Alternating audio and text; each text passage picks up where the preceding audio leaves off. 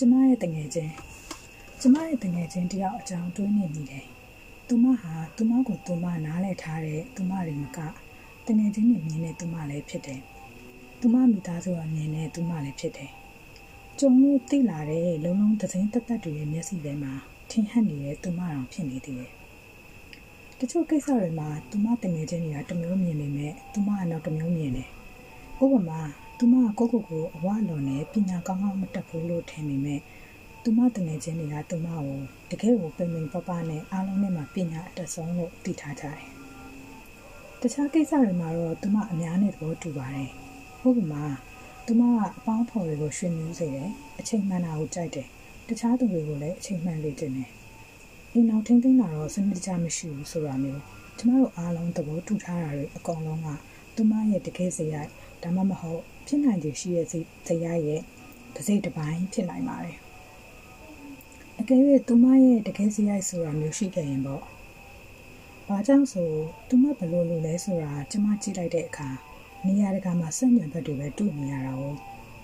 သူမနဲ့သူမတငယ်ချင်းတွေအကုန်လုံးသဘောတူလက်ခံထားတာမျိုးရှိရင်တော့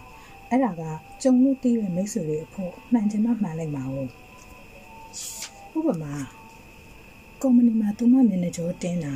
ဒါမှမဟုတ်သူမအခန်းကတိတ်ကိုတက်ရက်နေတာမျိုးတွေ့ကောင်းတွေ့ဘူးလိမ့်မယ်။ဒါလည်းလုံးလုံးတော့မမှား။သူမထိုင်းတိုင်းမှန်းမှန်းဖြစ်နေတဲ့အချိန်မျိုးရှိတယ်လို့အိမ်ကိုတက်တက်ရက်ရက်ပြင်ထားတဲ့အခါမျိုးလည်းရှိတယ်။ဒါပေမဲ့ဒီနှမျိုးကကြိုင်နေတော့မဖြစ်။သူမထိုင်းတိုင်းမှန်းမှန်းဖြစ်နေတဲ့အခါမျိုးမှာတက်တက်ရက်ရက်ရှိမှာမဟုတ်လို့ပဲ။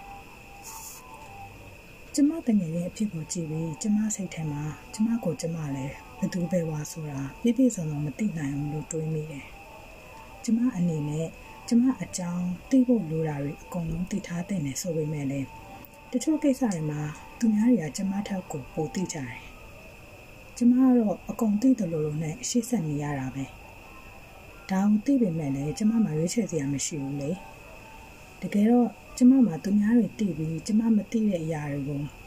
တခါတခါကြိုးစားပြီးနှမ်းကြည့်နေရတယ်ဆိုပေမဲ့ ကျမမှာကိုကိုကိုအလုံးစုံသိတယ်လို့လို့နဲ့ရှေ့ဆက်နေရတာပဲ